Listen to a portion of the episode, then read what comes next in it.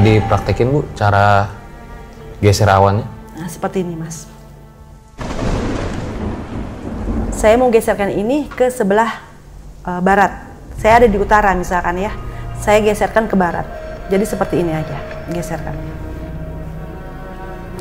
Jadi saya ikutin tangan saya ke barat. Itu lama-lama awan itu menggeser. Kalau menurut Bapak, dari penjelasan salah satu media disebutkan pawang hujan itu dapat menggeser hujan. Kalau dari sisi ilmiahnya sendiri bagaimana Pak? Oke. Modifikasi cuaca itu sama sekali tidak mempunyai kemampuan untuk memindahkan awan. Itu yang harus dipahami oleh eh, teman-teman uh, semua.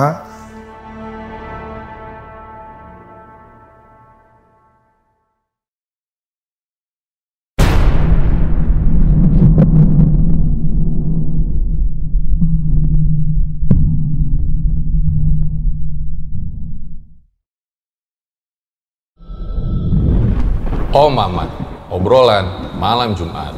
Kembali lagi bersama gue Fajar Ditya, kali ini di Om Mamat season 3. Kamu yang takut atau mereka yang lari?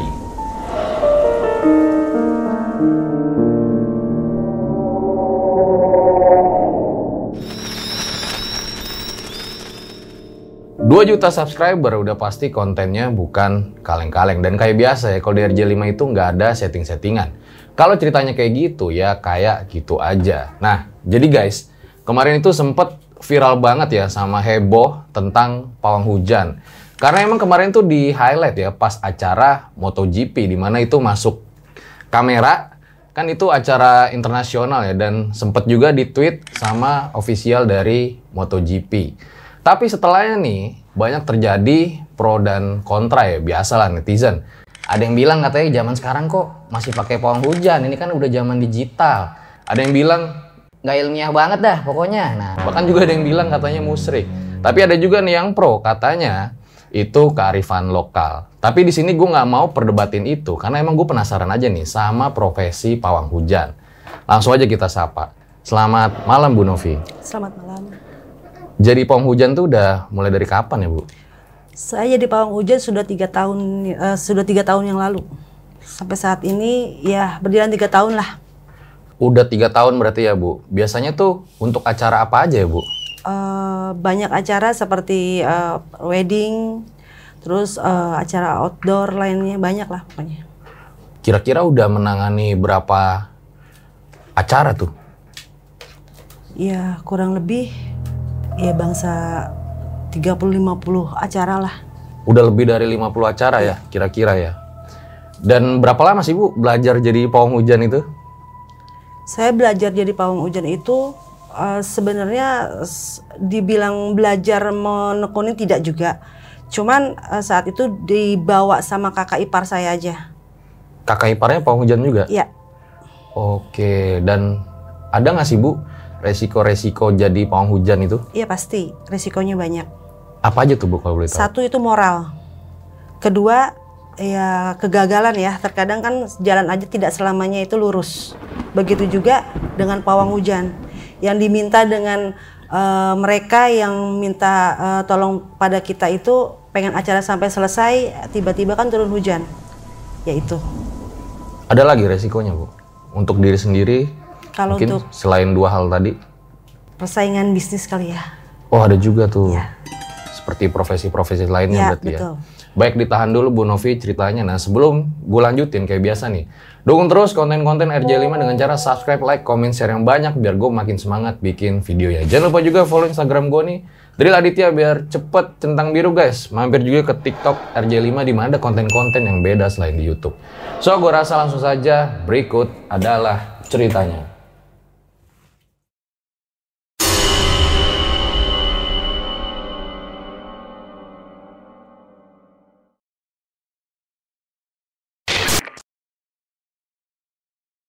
Bu Novi boleh diceritain awal mula jadi pawang hujan tuh kayak gimana? Pertama kali saya menjadi pawang hujan itu memang nggak gampang ya mas, karena uh, kita harus uh, mendalami atau ada gurunya ya. Yang jelas itu ada gurunya. Setiap kita berilmu pasti harus mempunyai guru. Nah, semenjak saya mendalami ilmu tersebut, memang selama tiga tahun ya saya uh, jadi pawang hujan itu, memang luar biasa untuk mengamalkan amal sebuah amalan yang benar-benar harus saya jalani dengan keyakinan saya sendiri. Yaitu zikirnya ya. Zikir malam itu kan kita nggak cukup satu jam atau dua jam. Minimal itu kita dari jam 11 atau paling lambat itu jam 1 itu sampai subuh. Itu kita mengamalkan suatu amalan. Dan untuk puasanya pun itu pastinya ada. Jadi nggak sembarangan kita bisa uh, menjadi uh, pawang hujan Nah, sebelum jadi pawang hujan ini profesi Bu Novi itu apa ya? ibu rumah tangga ya Oh, ibu rumah tangga. Kenapa kok tiba-tiba tertarik jadi pawang hujan? uh, banyak kejadian yang saya lihat di depan mata juga ya uh, pawang hujan ya paranormal lainnya yang kiranya menyentuh di hati saya gitu jadi saya punya punya uh, rasa kepingin kok mereka bisa kenapa saya tidak Oh, awalnya gitu tertariknya. tertariknya Baik. Mungkin boleh diceritain Bu Novi pengalaman pertama jadi pawang hujannya?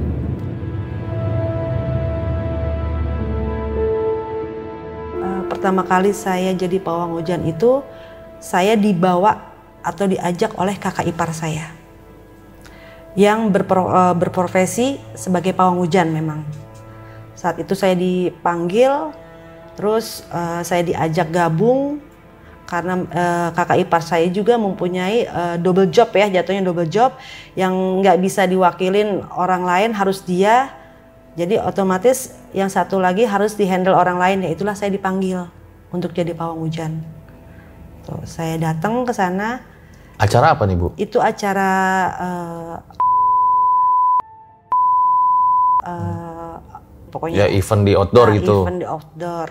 Ya saya ke sana ya dengan sebenarnya dengan percaya diri juga sih, separuh percaya diri ya, karena baru pertama kali perdana buat saya itu eh, rasa malu, rasa takut, rasa segala macam itu pasti campur aduk.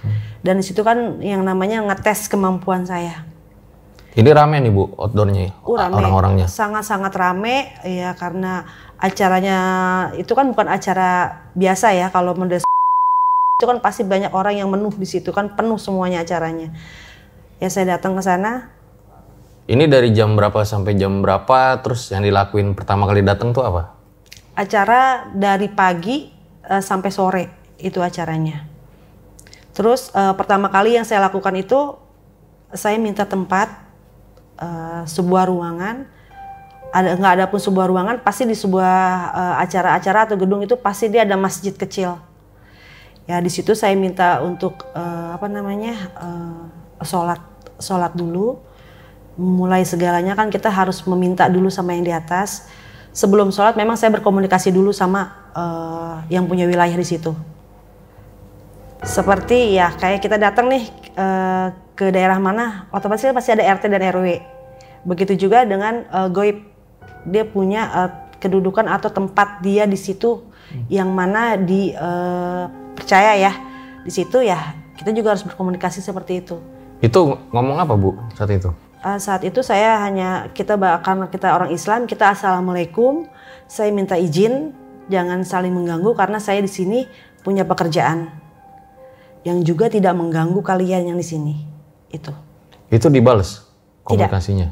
dia hanya uh, diem terus pergi Sosok apa pada saat itu Bu? saat itu sosoknya uh, laki-laki ya berbulu ya seperti genderuwo seperti itu itu yang megang gitu. ya yang pegang wilayah lah di situ seperti itu Nah setelah komunikasi apa lagi yang Ibu lakuin? Setelah komunikasi saya langsung ngambil air wudhu, saya sholat. Saya sholat, saya berzikir, itu sekiranya eh, satu kalau nggak dua jam. Setelah kiranya enak badan saya, saya keluar dari eh, masjid itu, saya cek cuaca. Saya cek cuaca, terang, bagus, saya duduk santai mas. Tapi nggak luput dari zikir ya semua juga. Walaupun kita ketawa tapi dawam itu dalam hati itu pasti. Seperti itu. Pada saat itu memang lagi cerah aja ya Bu? alhamdulillah pas lagi cerah. Ada awan hitam nggak sih? tidak ada sama sekali saat itu. Oh jadi agak lebih lebih tenang. tenang ya di pengalaman pertama ya. Nah ini kan tadi pengalaman pertama Bu. Kalau pengalaman yang paling sulit selama jadi pawang hujan? Ketika awan hitam tiba-tiba datang cepat dan hujan turun lebat. Ini di acara apa nih Bu? Itu di acara sebuah acara televisi. Hmm, Boleh diceritain?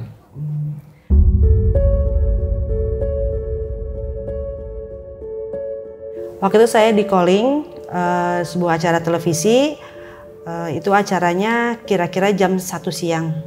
Saya datang sebelum jam jam 1 siang saya sudah datang ke sana. Itu acara juga buat eh, outdoor ya. Acara outdoor ke situ. Eh, saya datang memang sudah awan sudah hitam.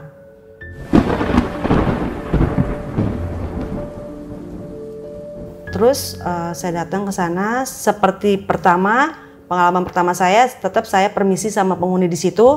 Setelah itu saya sholat, sholat selama dua jam. Tiba-tiba kan hujan tuh saya di dalam masjid itu kan nggak kedengeran tuh hujannya tuh ya kan. Hujan tiba-tiba saya keluar ngelihat hujan masih turun juga. Nah di situ eh, itu tantangan buat saya untuk menggeser ya, menggeser atau eh, apa ya yang disebut ya disebut menggeser lah ya mas ya, menggeser hujan atau menggeser awan hitam. Itu emang bisa digeser gitu awan Bu? Insya Allah bisa mas. Sesuatu yang nggak mungkin bisa jadi mungkin. Itulah yang saya alamin. Itu gesernya gimana Bu? Kalau di luar memang saya pakai eh, tangan ya. Saya punya kekuatan di tangan. Saya menggeserkan awan hitam itu. Misalkan saya ada di utara, terus eh, yang terang ada di barat. Saya geser awan itu ke barat. Boleh dipraktekin Bu cara geser awannya? Nah, seperti ini mas.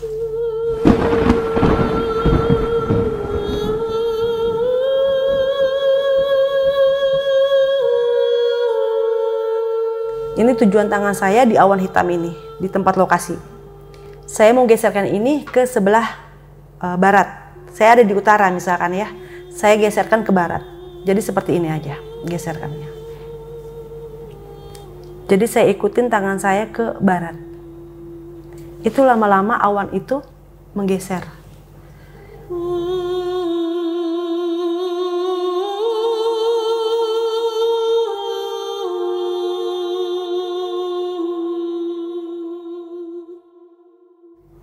Kalau ada hitam lagi saya geser lagi. Jadi saya bersihin semacam kita bersihin. Jadi sampai benar awan itu benar-benar hilang. Seperti itu.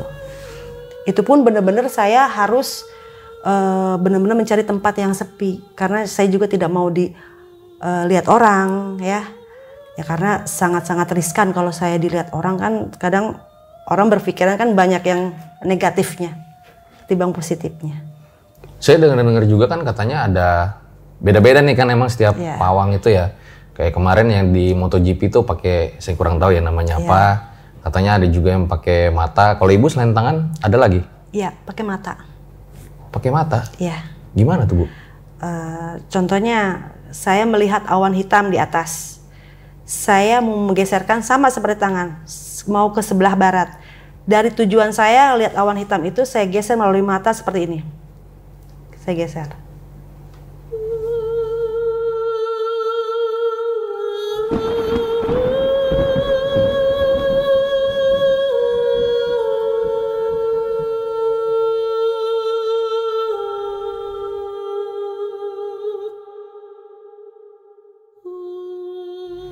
Seperti itu aja tariknya.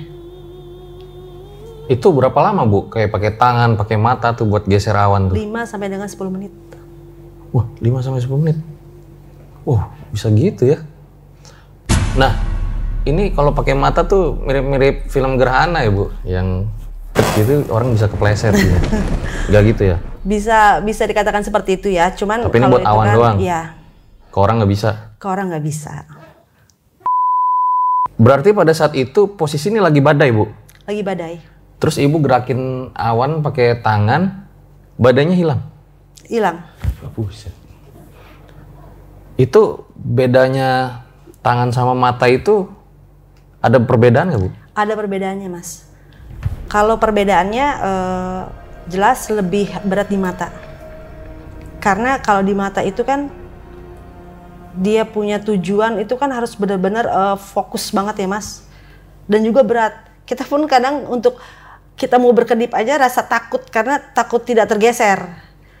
Jadi kita harus benar-benar fokus dan untuk beberapa menit itu kita melihatnya itu benar-benar tanpa berkedip. Seperti itu. Oke oke. Nah ini kita balik lagi lah bu ke yang cerita tadi. Jadi pada saat itu ibu geser tuh. Iya. Terus bagaimana lagi? Ya, saya menggeser sampai benar-benar awan hitam itu hilang. Hmm. Terus akhirnya Akhirnya alhamdulillah eh, terang kembali. udah nggak ada lagi yang datang tuh Udah nggak hitam ada pada saat lagi. itu. Nggak ada lagi. Itu badai posisi bu. Ya, Bu, Badainya kayak gimana? ya hujan petir ya. Oh. Gitu. Akhirnya udah nggak ada lagi. Nah itu kan tadi kata ibu sempet komunikasi juga ya sama sosok yang di sana ya. Iya. Sosoknya kayak gimana yang di sana tuh? Ini acara TV ya? Ini acara TV. Acara TV ya. acara TV. Ya sosoknya ya nggak lain lah antara ibaratnya perempuan dan laki ya. Biasanya kalau perempuan itu pakaian kayak pakaian keraton. Kalau laki-laki itu hanya sosok besar yang berbulu. Jarang yang pakai pakaian keraton, cuma perempuan doang dia. Seringkali saya ketemu sama perempuan yang bersosok eh, berpakaian ya, bukan bersosok berpakaian tuh seperti kerajaan gitu. Ratu lah gitu. Oh, Oke. Seperti itu. Ada lagi bu mungkin pengalaman yang paling sulit selama jadi pawang hujan.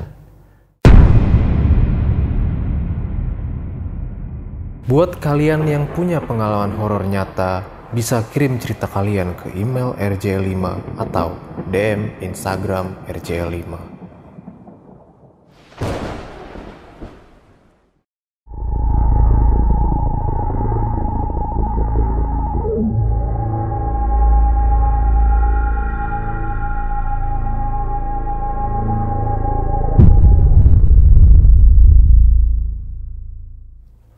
Eh, kejadian yang paling sulit eh, saat itu pernah saya di calling dengan ada acara waktu itu acara sebuah acara lah ya sebuah acara yang dipakai untuk tujuh hari berturut-turut.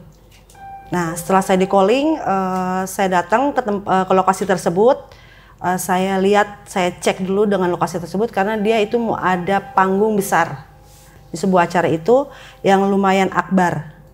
Nah, saya eh, saya datang ke tempat lokasi eh, belum saya setujuin sih, cuman saya untuk datang dulu saya lihat lokasinya, terus letaknya di mana itu saya harus kontrol dulu sebelumnya.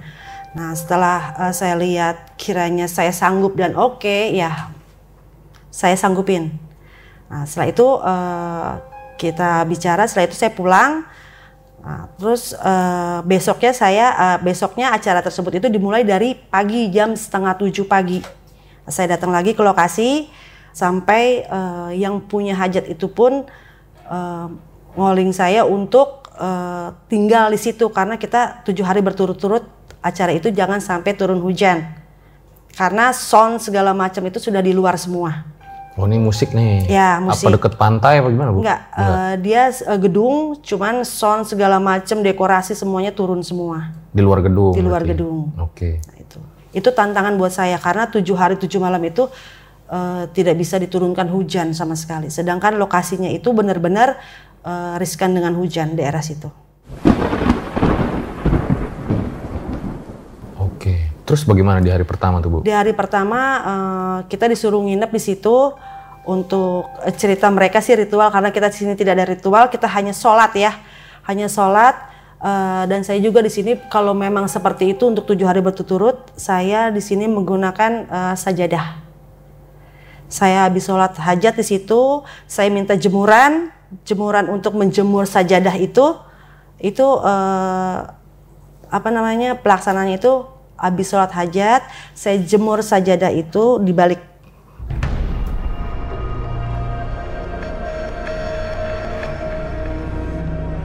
seperti itu. eh, tapi saya minta untuk sholat di rumah, gitu karena saya nggak bisa kalau untuk nginep di situ. Nah, yang benar-benar sangat eh, takut, rasa takut itu ada setiap malam karena saya lihat di daerah situ hitam, mendung. Gimana caranya biar tidak sampai kebobolan lah ya bahasanya ya itu. Nah tadi ibu sempat bilang sajadah itu dibalik terus dijemur. Iya. Itu maksudnya gimana bu? Eh, karena di situ kalau untuk berhari-hari itu kan eh, riskan ya. Riskannya arti kata takutnya ada kiriman. Arti kata kiriman itu kan banyak juga pawang bukan saya aja di daerah situ. Mungkin saya ada di utara, sedangkan mereka pun ada di pusat. Jadi geser-geseran awan itu kan itu pasti ada. Nah, di hari pertama memang saya eh, setelah sholat saya balikan sajadah itu gunanya untuk menahan. Kalau menurut kepercayaan saya ya, itu untuk menahan eh, hujan itu turun. Di hari pertama, di hari kedua, di hari kedua pun sajadah itu tidak pernah saya angkat sampai dengan nanti selesai acaranya. Di hari kedua, di hari ketiga untuk berkomunikasi dengan yang goib itu tidak ada. Setelah selesai baru saya permisi lagi untuk pulang. Jadi nggak ada hujan tuh sama sekali bu di tujuh hari itu. Amin, alhamdulillah semuanya acaranya lancar. Sempat ada awan hitam kah? Pasti kalau itu. Terus gimana bu? Kalau untuk itu eh, saya hanya duduk, yaitu yang saya bilang saya hanya menggerakkan mata saya aja untuk menggeser awan itu.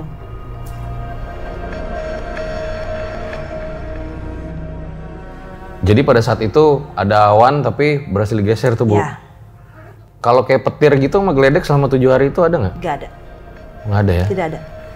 Oke.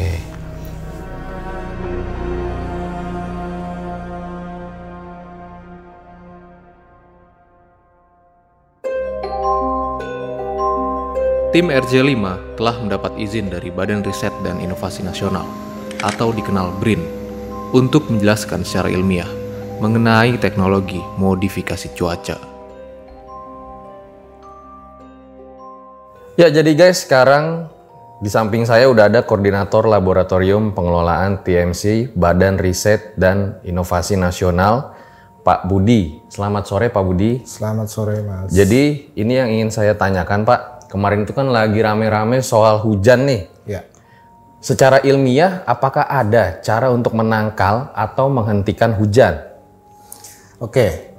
Baik, jadi mungkin pertama yang harus saya sampaikan dan perlu mendapatkan eh, pemahaman dari rekan-rekan semua ya bahwa kami di Badan Riset dan Inovasi Nasional ini mempunyai teknologi modifikasi cuaca atau yang oleh masyarakat awam banyak dikenal dengan istilah hujan buatan. Tetapi pengertian hujan buatan ini adalah tidak membuat hujan. Ya. Jadi kami ini tidak bisa membuat hujan kalau seandainya kami diminta untuk melakukan hujan buatan di bulan uh, kemarau misalnya, pada musim-musim kemarau. Apa yang bisa kami lakukan? Modifikasi cuaca ini adalah proses untuk menginjeksikan bahan semai di dalam awan, sehingga proses terjadinya hujan itu bisa lebih dipercepat, dan lokasi yang akan kita hujankan bisa kita arahkan. Ya. Jadi, seperti bisa menunda hujan dan juga kayak bisa mendatangkan hujan. Betul. Umumnya modifikasi cuaca ini banyak dimanfaatkan untuk pengelolaan sumber daya air, mengisi waduk-waduk atau eh, danau strategis nasional yang biasa dimanfaatkan untuk kebutuhan air PLTA ataupun eh, irigasi begitu ya. Tetapi dalam konteks-konteks tertentu kami juga bisa untuk mengurangi curah hujan dalam konteks mitigasi bencana banjir atau seperti halnya yang baru saja terjadi di Mandalika begitu.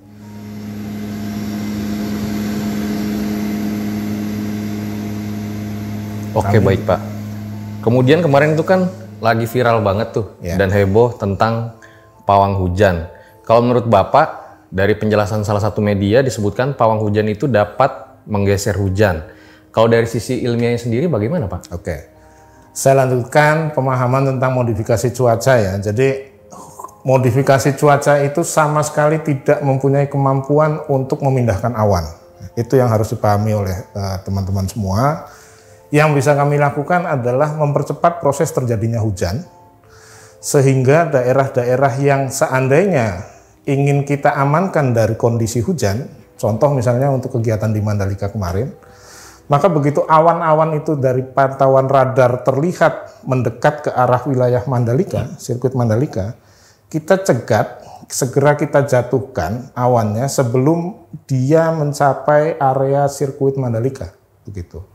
Jadi prosesnya adalah mempercepat terjadinya hujan. Tetapi hujannya ini kita kondisikan supaya tidak persis jatuhnya nanti tepat pada saat dia capai sirkuit Mandalika. Kalau angin itu bergerak dari arah utara ke selatan, maka modifikasi cuaca ini tidak mungkin dan tidak pernah bisa untuk membelokkan awan bergerak melawan ke arah utara kembali begitu. Atau sebaliknya, awan yang bergerak dari arah utara ke selatan, kemudian kami pindahkan menuju ke arah timur atau barat. Tidak seperti itu. Rutenya tetap sama dari utara menuju selatan, tetapi ini bisa kita kondisikan, dijatuhkan dulu hujannya lebih awal sehingga pada saat lintasan awan ini bergerak menuju Mandalika, dia sudah luruh, sudah habis. Kalaupun hujan hanya rintik-rintik mungkin. Jadi berarti menggeser tidak bisa ya, hanya Iya. hujannya saja diturunkan lebih dahulu. Betul. Baik Pak. Nah, kemarin itu juga kan di sebuah berita saya baca kalau memang BRIN bersama TNI Angkatan Udara lah yang melakukan langkah-langkah teknologi modifikasi cuaca Ya. saat pegelaran MotoGP di Mandalika. Apa itu benar Pak? Ya.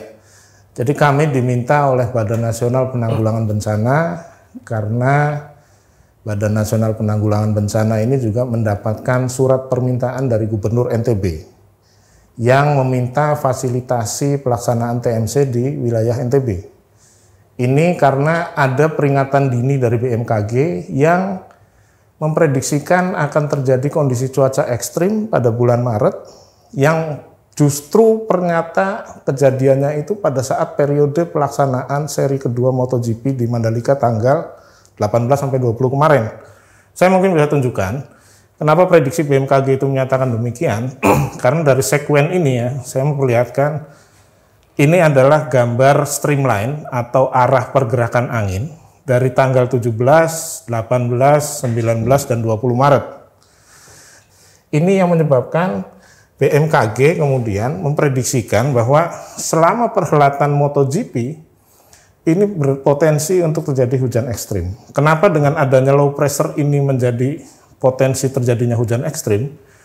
Ini dikarenakan low pressure ini adalah pusat pertumbuhan awan yang diperkirakan bisa menjadi eh, badai tropis. Ya. Bahkan pada saat itu memang sudah diduga akan terjadi hujan ekstrim. Ya, ini saya bisa lihat, bisa perlihatkan, ini adalah kondisi di tanggal 20 di mana posisi pusat tekanan rendah ini persis berada di selatan Pulau Lombok. Ini adalah wilayah sirkuit Mandalika. Yang kalau secara visual, maka dari citra satelit penampakan awannya adalah seperti ini.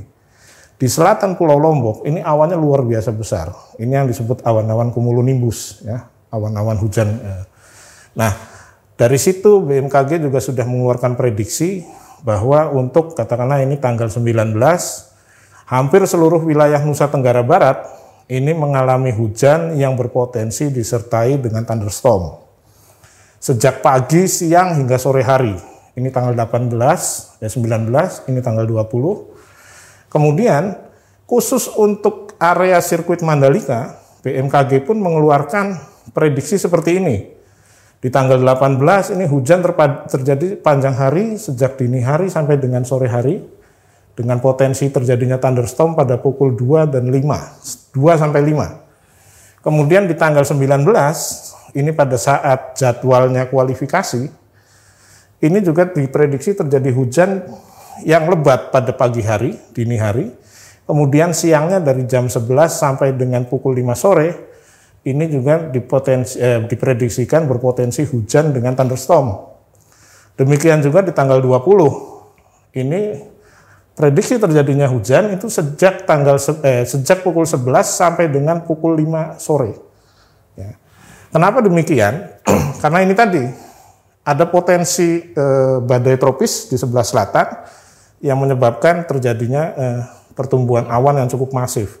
Berarti pada saat hari H penyelenggaraan MotoGP, pihak dari BRIN sudah menduga ya bahwa akan terjadi hujan dari jam segini sampai jam segini dan bisa dihentikan eh, pada pukul yang sudah ditentukan. Ya, ini informasinya kami pada saat pelaksanaan operasi di lapangan juga berkoordinasi dan men- mengikut sertakan rekan-rekan BMKG. Ya.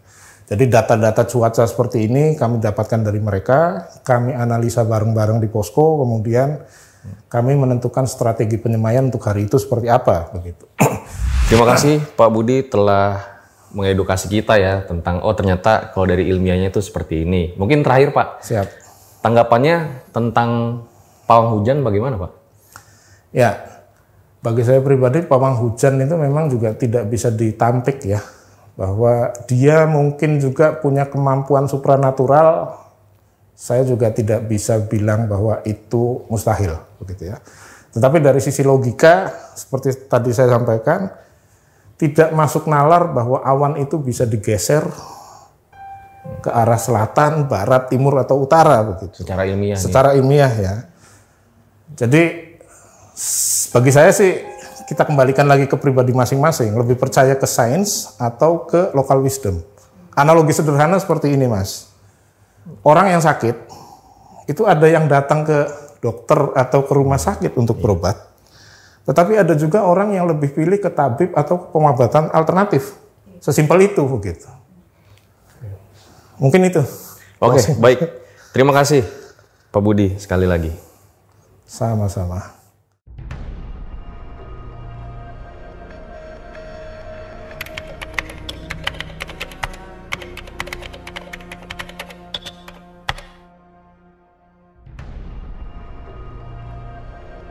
Nah, Bu, tadi saya dengar juga dari tim kreatif katanya ada pengalaman horor juga ya selama jadi pawang hujan. Boleh diceritain, Bu? Eh, waktu itu kebetulan saya lagi mengisi acara di sebuah program eh, wedding di daerah Karet. Situ kan kuburan karetnya lumayan eh, luas dan angker ya. Nah, setelah itu, eh, setelah saya selesai dari acara itu, ya badan juga kan rasanya lelah, letih dan ngantuk. Saya pulang saat itu pukul 12 malam. Saya pakai motor. Saya pulang lewat flyover yang jalan baru itu, yang baru dibikin itu, sekarang sih udah lama sih ya. Eh, cuman kan lumayan panjang dia punya flyovernya. Nah saya pas masuk ke situ memang saya udah nggak mikirin apa-apa karena saking capeknya eh, permisi pun enggak. Biasanya saya kalau lewat situ selalu saya permisi karena ya mungkin satu jalanan baru juga kita kan eh, banyak ya kejadian-kejadian aneh juga di situ katanya ya. Cuman memang saat itu juga memang saya nggak permisi.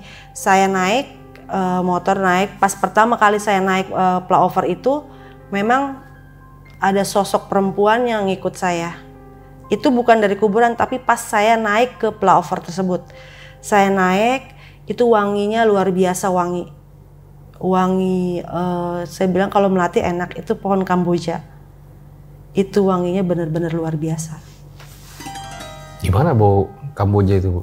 bau kamboja ya seperti yang di kuburan-kuburan itu baunya mas Oh. Mm-mm. Nah, saya ketika itu saya dibonceng. Saya dibonceng sama suami saya pulang. Terus eh, suami saya ngomong, eh, kayaknya ada wangi-wangi. Udah biarin, saya bilang gitu. Emang ada yang ikut, saya bilang gitu kan. Tapi nggak ganggu. Yang penting di situ kan dia mengganggunya kan eh, biar kita hilang kesadaran kita, rasa ngantuk. Itu yang dia selalu digelendotin tuh itu mata sama dia itu. Itu ngikutinnya gimana, Bu? Ya di belakang ya mas. Kalau kita yang nggak bisa ngelihat sih ya mungkin nggak kelihatan apa-apa. Cuman kalau kita yang bisa ngelihat kan dia hanya mau nempel, mau ngikut kita aja gimana sih eh, mau ngegemblok di belakang sini tuh. Gitu. Kalau untuk sosoknya itu perempuan. Kayak gimana perempuan? Eh, masih belia. Cuman eh, ya dia sih nggak ngomong apa-apa karena saya juga tidak berkomunikasi sama dia. Saya udah lelah, saya udah letih jadi ah bodo amat gitu. Yang penting sampai saya ke tujuan itu saya waspada mata aja. Karena kan yang dibikin celaka itu. Jadi biar kita mengantuk, terus pikiran kosong, kita kecelakaan. Jadi ini perempuannya masih belia, Masih belia. pakai baju Pakai bajunya putih. putih, mukanya Muka cuma separuh doang dia kasih lihat. Separuh maksudnya? separuh. Jadi kan ngikut kita itu cuma kelihatan separuh doang, Mas. Jadi ini saya, ini perempuan ini, jadi cuma separuh ngeliatnya. Tuh. Nggak bisa kelihatan muka telak begini, nggak. Tuh. Jadi Ber- hanya separuh. Tapi nggak hancur kan? Nggak sih, masih cantik. Nah akhirnya gimana tuh? Ya saya pas pas turun pas turun flyover itu dia hilang sendiri. Karena memang dia kan wilayahnya cuma dari ujung ke ujung aja. Oh iya iya. Makanya saya bilang setiap wilayah itu pasti ada yang nunggu. Maksudnya pada saat itu ngikutin ibu apa ya? Ya biasanya bukan saya aja sih kayaknya. Semua setiap eh, yang mengendarai itu pasti diikutin. Iseng lah. Ya iseng. Makanya baca doa dulu Ya. pas berkendara gitu. Ya betul. Oke. Ada lagi bu pengalaman horor selama jadi pawang hujan? Saya juga punya pengalaman kedua masalah horor. Itu saya punya teman eh, yang persaingan bisnis lah yang namanya bisnis itu kan bukan berdagang aja tapi pawang juga kan eh, sebagian dari bisnis. Ya, Eh, teman saya pernah ada kiriman ke badannya itu semacam santet. Kenapa kita tahu disantet ya karena tiba-tiba setelah dia jaga dari sebuah eh, acara TV, tiba-tiba dia pulang tidak bisa bicara dan tidak bisa ber- eh, tidak bisa berjalan. Nah, kita semua ya namanya teman, kita datang ke tempat eh, kawan saya itu untuk kita lihat Ini cowok apa cewek bu? eh, cewek Oh cewek. cewek gitu kita datang ke sana dengan kondisi yang em, benar-benar memprihatinkan lah yang dia bicara juga nggak bisa. Dia cuma bisa nangis eh, cuma em, bisa merintih. Kesakitan itu adanya di eh, perut. Ini lagi di rumah sakit nih ibu jenguk. Eh, di rumah. Oh di rumah. di rumah. Karena eh, berapa hari yang lalu katanya pernah dibawa ke rumah sakit. Cuman kalau kata rumah sakit tidak ada penyakitnya. Tuh.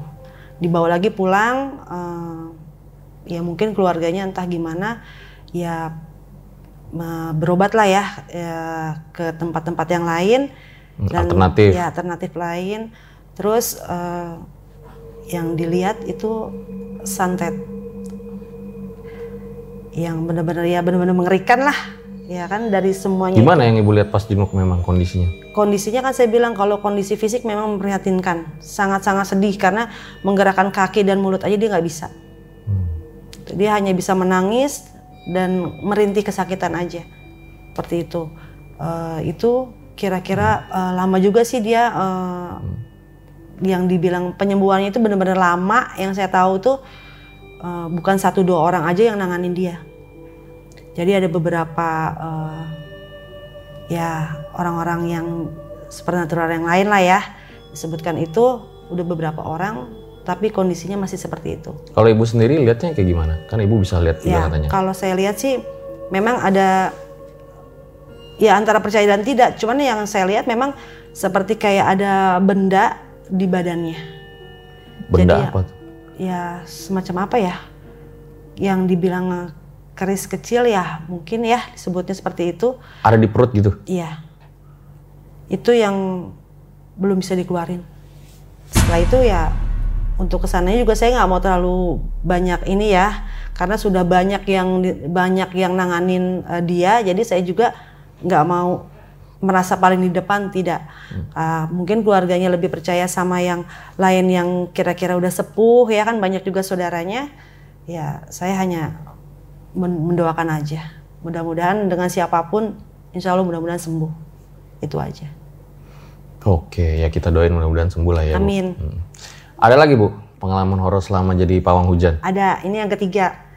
Eh, ini memang kejadiannya benar-benar eh, apa ya saya bilang ya horor horor juga sih ya horor ya. Ini antara kayak model di TV gitu mas. Ya eh, memang saat itu kejadiannya eh, bukan saya sendiri cuman eh, suami saya.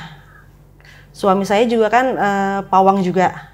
Cuman eh, dia kadang-kadang aktif kadang-kadang tidak saat itu yang lagi jaga itu suami saya itu ada di suatu acara televisi eh, di sebuah studio ya bukan acaranya di studio cuman dia memang outdoor di luar cuman dia disuruh dipanggil untuk masuk ke kantor itu dia diantar oleh security yang berbaju safari Oh iya. Ya. Jam berapa tuh bu? itu masih siang mas Oh siang. acaranya ya siang Ya kalau acara biasanya acara televisi itu kan nggak malam ya, cuman sampai malam, cuman kita datangnya siang.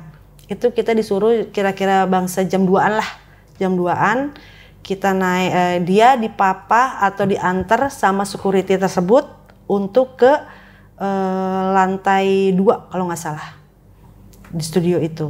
Dia diantar, diajak ngobrol sampai naik ke atas itu, ditunjukin kantornya.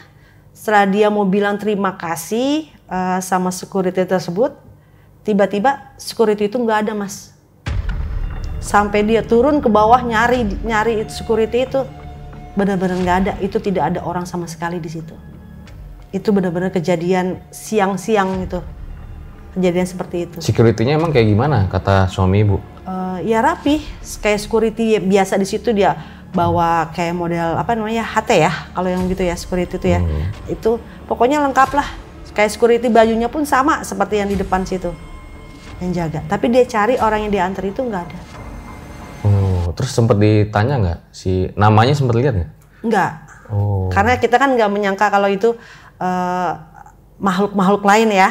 Ya orang aja disangkanya gitu kan. Makanya pas dia mau bilang terima kasih karena sudah diantar ya pas dia lihat nggak ada orangnya malah sempat dia turun langsung dari situ dia turun untuk mencari orang itu nggak ada sama sekali bahkan tidak ada orang sama sekali di situnya oh, iya iya iya. Wah, ini lengkap banget ya pengalaman dari Bu Novi nih. Udah tentang pawang hujan, terus ada horornya juga. Nah, ini kita balik lagi nih Bu. Ini kan tadi bicara awan gelap Bu ya, Iya. badai gitu. Kalau petir atau geledek itu pernah juga Bu? Maksudnya? Kadang kan ada yang hujannya ada petirnya gitu loh, sama geledek. Nah itu apakah caranya itu sama gitu mengatasinya? sama mas. Sama kalau buat cuaca itu semuanya sama. Oh, itu sama. Menangannya kalau kalau geledek atau petir itu tidak bisa digeser. Dia kan terdengar di mana-mana. Ya cuman kita hanya kan saya bilang hanya kita hanya berdoa aja. Kita tidak bisa menghentikan hujan. Kita tidak bisa menghentikan segalanya. Kita hanya bisa menggeser gitu jadi kalau untuk petir ataupun geledek sama aja seperti itu oh jadi sama aja ya Bu? sama aja Pernah yang badai paling besar berhasil digeser tuh pernah? pernah ya itu saya di sebuah studio Yang tadi diceritain? ya Oh, itu lagi badai besar posisi? itu lagi badai besar Oke. Oke lah kalau gitu nanti bakal banyak pertanyaan di closing.